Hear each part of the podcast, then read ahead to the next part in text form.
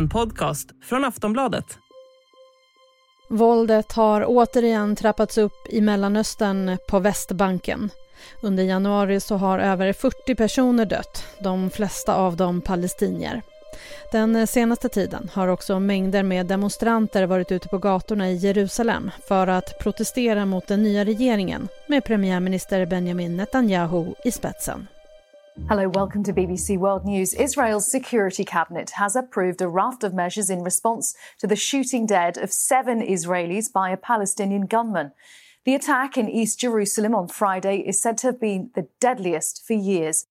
Now let's turn to the Middle East, where Israel says it's carried out airstrikes against Palestinian militants in Gaza after two rockets were fired into Israel. Both rockets were intercepted by Israeli air defense systems. The scale of the bombing in Gaza is not yet clear. Ja, läget i Israel och Palestinakonflikten är återigen skakig. Våldet har eskalerat den senaste tiden. I torsdags så genomförde den israeliska militären en insats på Västbanken som krävde nio palestiniers liv. I fredags, på Förintelsens minnesdag, så dödades minst sju israeler vid en synagoga i Jerusalem. Enligt israeliska medier så tog islamiströrelsen Hamas på sig dådet som en hämnd på torsdagens insats. Och i lördags så skadades två israeliska män av en skjutande 13-årig palestinsk pojke. Omvärlden har fördömt dåden och både USA och EU uppmanar nu båda sidor att lugna ner det upptrappade våldet. Militären i Israel har dock ökat sin närvaro på Västbanken och det finns en stor oro att konflikten trappas upp ytterligare. Under januari så har också flera i den israeliska befolkningen varit ute på gatorna och demonstrerat mot regeringen som återigen leds av premiärminister Benjamin Netanyahu som återvaldes i höstas. Han har skapat en regering tillsammans med religiösa högerextremistiska partier och regeringen vill nu införa en ännu större ockupation av Västbanken och också anta hårdare straffåtgärder mot terrorister. Hur illa är läget i Mellanöstern just nu? Hur snabbt kan det eskalera till krig och vad vill egentligen Netanyahu? Det här pratar vi om i dagens Aftonbladet Daily. Jag heter Jenny Ågren.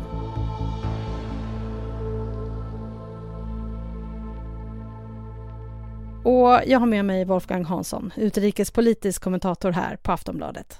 Wolfgang, det har varit oroligt i Israel och Palestina de senaste dagarna. Berätta, vad är det som händer? Ja, först hade vi eh, i torsdags eh, en eh, väldigt allvarlig händelse när israeliska soldater gick till attack i en stad som heter Jenin och dödade tio stycken palestinier som man man anklagade då en, en grupp som heter Islamiska Jihad för att ha planerat terrordåd och att man ville eh, gripa de här människorna innan de hann göra det. Sen gick det bara en dag och sen var det en palestinsk eh, beväpnad man som eh, dödade eh, sju stycken israeler utanför en synagoga. Och det här är bara det senaste våldet som har varit. Alltså går vi tillbaka under januari så har det varit eh, över eh, 30 palestinier som har dödats, alltså mer än en per dag eh, den här månaden. Och det är, den, det är rekord sedan man började föra den här statistiken. Så varför trappas det upp just nu? Det finns flera orsaker, men en väldigt viktig orsak är att Israel har fått under förra hösten så fick man en ny regering som nu har tillträtt på allvar. Eh, och det är ju Benjamin Netanyahu, den gamla premiärministern, som har kommit tillbaka nu. Och hans eh, regering är den mest högerextrema regering som Israel någonsin har haft. Och de här partierna som är med i hans regering, eh, som är mestadels religiösa extremistpartier, de vill eh, skruva upp eh, tuffheten mot palestinierna på Västbanken. Eh, och det är väl så man ska se att de gick in så hårt, den äh, israeliska militären, när man då skulle gripa de här misstänkta terroristerna. Den här konflikten den pågår ständigt. Den blossar upp eh, på det här sättet emellanåt. Finns det något som är annorlunda den här gången?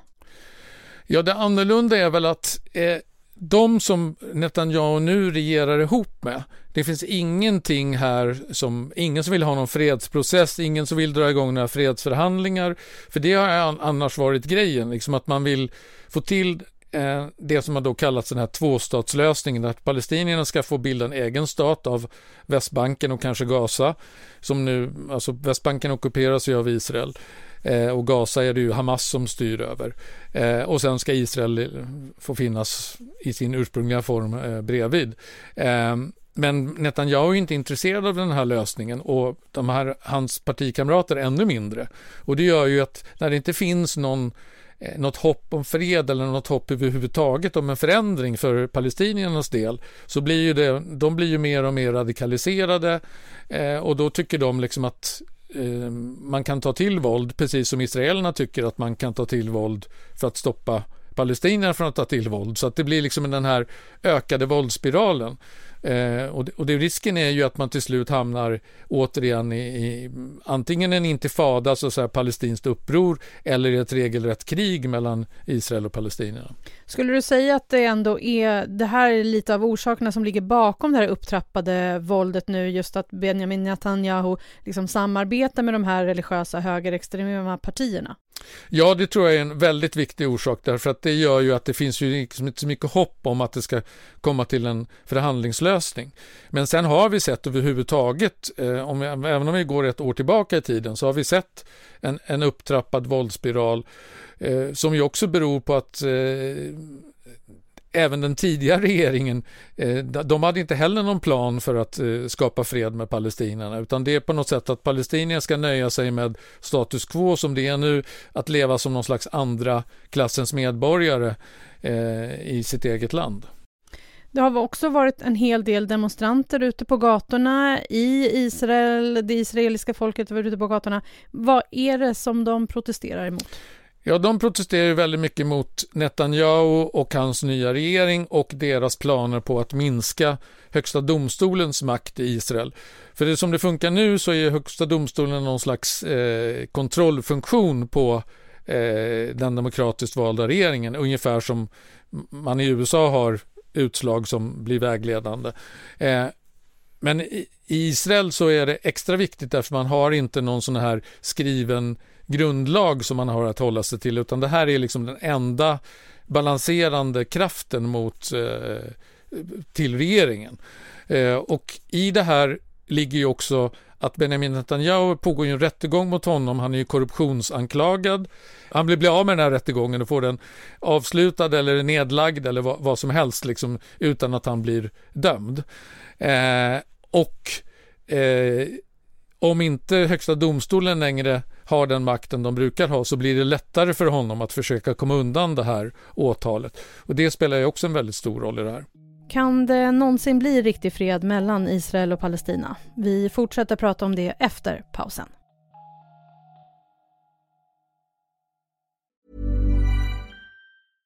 Hej, jag Ryan Reynolds. På Mint Mobile, we like to do the opposite of what Big Wireless does. They charge you a lot, we charge you a little. So naturally, when they announced they'd be raising their prices due to inflation, we decided to deflate our prices due to not hating you. That's right. We're cutting the price of Mint Unlimited from $30 a month to just $15 a month. Give it a try at mintmobile.com slash switch. $45 upfront for three months plus taxes and fees. Promote for new customers for limited time. Unlimited more than 40 gigabytes per month. Slows. Full terms at mintmobile.com.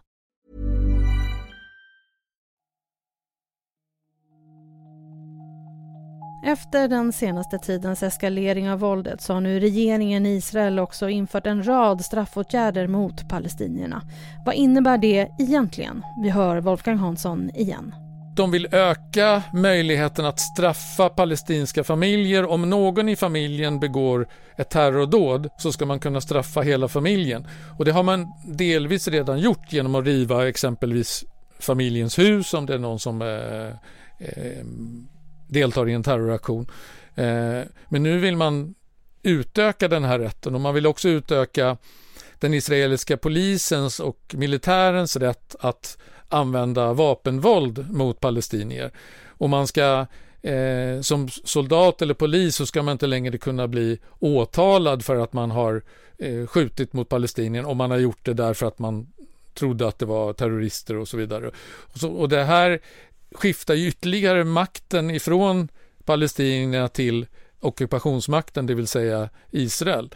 Eh, redan tidigare är ju de här förhåll, maktförhållandet väldigt ojämnt och nu kommer det att bli ännu mycket mer ojämnt om, om den här nya regeringen får som den vill. Jag läste också att de eh, vill diskutera nya bosättningar. Ja, eh, de här eh, koalitionspartnerna till Netanyahu, de är ju bosättare, alltså de vill ju ha fler judiska bosättningar. Eh, på den ockuperade Västbanken och de vill utöka de bosättningar som redan finns och det här är ju någonting som FN anser strider emot eh, FN-stadgan och USA är också väldigt mycket emot det här och har varnat Israel. Men Netanyahu, eh, han är ju beroende av de här personerna för att kunna sitta kvar i regeringen. Och så länge han är premiärminister så kan han ju lättare skydda sig själv. Så att han är ju beredd att gå rätt långt, gå dem till mötes liksom för att kunna sitta kvar. Den här senaste tidens attacker, du var inne lite på det. Vad finns det för risk nu att det blir krig igen?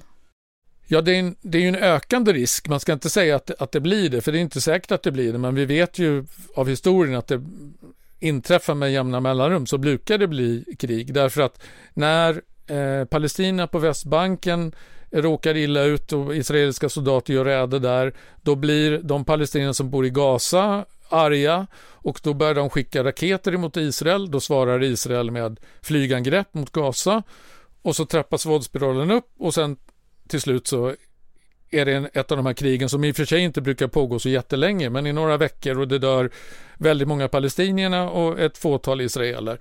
Eh, och sen lugnade det ner sig lite igen och så det, det är nästan som en liksom, eh, naturprocess känns det som eh, eftersom det har pågått så himla länge. Och det är klart att när vi nu ser det här upptrappade våldet och vi har en kompromisslös israelisk regering så det är klart att då känns det som att risken ökar för att vi ska hamna där igen. Vill de ens ha fred? De vill säkert ha fred, för jag menar det är klart att alla israeler vill ju väldigt gärna leva i fred, precis som Palestina skulle vilja leva i fred utan att vara ockuperade. Problemet är ju att Israel vill ha fred på sina villkor. De vill i princip, de, de, Netanyahu har ju ingen har ju ingen egentligen eh, förklaring till vad, vad han vill, vad, vad ska palestinierna göra som bor eh, på Västbanken vilka rättigheter ska de ha? Ska de få, ska de få med och rösta? Jag menar om, om allting det här blir Israel, då blir ju de invånare i Israel och då måste man ju ge dem samma rättigheter som man har israeliska medborgare. Men det vill ju inte eh, Netanyahu, så det, det, är väldigt oklart och väldigt svårt att begripa hur, hur han tänker sig eh, framtiden och det gör ju naturligtvis att det blir ännu mer hopplöst för palestinierna. Allt det här sker ju lite i skuggan av eh, kriget i Ukraina och för oss här i Sveriges del också även allting som händer mellan, med Turkiet och, och Nato. Men det här passar kanske Netanyahu ganska bra? Det passar honom alldeles utmärkt för att eh, eh nu har ju vare sig USA eller Europa så mycket tid att ägna, tid och kraft att ägna åt Israel och Palestina-konflikten. Eh, det är bara om det blåser upp ett riktigt krig som man kanske eh, försöker ingripa på något sätt. Och man, eh, självklart så har ett antal europeiska ledare gått ut och, och manat till lugn och att man liksom ska försöka trappa ner situationen och så vidare. Men det finns ju inget direkt engagemang ifrån Europa i nuläget eh, därför att man är fullt upptagen med, med kriget i Ukraina och hur man ska liksom eh, klara energikris och, och klimatomställning och allting annat. Så att den här konflikten har ju definitivt hamnat i skuggan av Ukraina-kriget. Kan, man, kan det kännas lite så som att man är lite trött på den här konflikten? Många är ju det, därför att många tycker att de har, de har bråkat i stort sett ända sedan Israel bildades så har, så har det varit krig och bråk och konflikter i det här området. Och eh, det verkar aldrig som att man kommer framåt och till en lösning och, och att det blir någon varaktig fred. Och då, då tröttnar ju omvärlden lite grann när man gång på gång försöker hjälpa till att lösa konflikten. Men ingen av sidorna är riktigt beredd att, att, att kompromissa till den grad som det behövs så att man ska komma överens. Eh, då är ju risken till slut att världen tröttnar helt och hållet och tänker att ja, ja, men låt dem hålla på där borta. Vi, vi orkar inte engagera oss. Idag är det måndag när vi spelar in. Eh, USAs utrikesminister Anthony Blinken är på väg till Israel just nu. Vad kommer hända när han är där? Ja, och då ska man komma ihåg att den här resan är planerad sedan länge, så det är inte så att han har åkt dit på grund av det som har hänt nu. Men nu kommer han givetvis att ta upp det här. Det kommer ju vara en väldigt viktig del när han träffar både Netanyahu och Palestinas president eh, Abbas. Så kommer han ju att uppmana dem till lugn och att inte trappa upp situationen och så vidare. Men det är ju ingen som tror att det egentligen kommer att komma ut något särskilt konkret ur hans besök. För det som gäller för Europa gäller också för USA. USA har inte heller riktigt kraften nu att ägna sig så mycket åt Palestina-Israel-konflikten utan man är ju fullt engagerad när det gäller kriget i Ukraina plus att man har eh, Kina också som en stigande makt som man vill försöka eh, få kontroll över och, och, och, det gör ju att Israel-Palestina-konflikten har, har liksom satts eh, på sidokanten, på kanten. Hur tror du att allting kommer sluta den här gången? Förhoppningsvis så slutar det inte med ett nytt krig, men det kommer säkert att vara så att det kommer att inträffa diverse våldshandlingar de närmaste veckorna, eh, säkerligen från båda sidor. Numera är det också så att även palestinier som bor inne i Israel, eh, som, som har tillstånd att röra sig i Israel, att till och med de har börjat använda vapen och attackera israeler inne i Israel och det gör ju att säkerhetsläget blir extra prekärt. Tack för idag Wolfgang. Tack. Sist här Wolfgang Hansson, Aftonbladets utrikespolitiska kommentator. Jag heter Jenny Ågren och du har lyssnat på Aftonbladet Daily. Vi hörs snart igen. Hej då.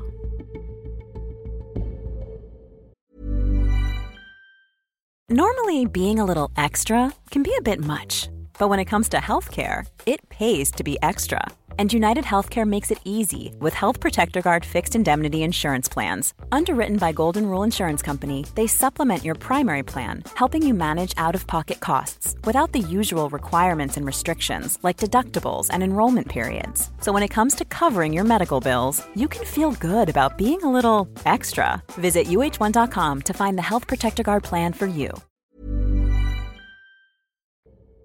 Du har lyssnat på en podcast från Aftonbladet. Ansvarig utgivare är Lena K Samuelsson.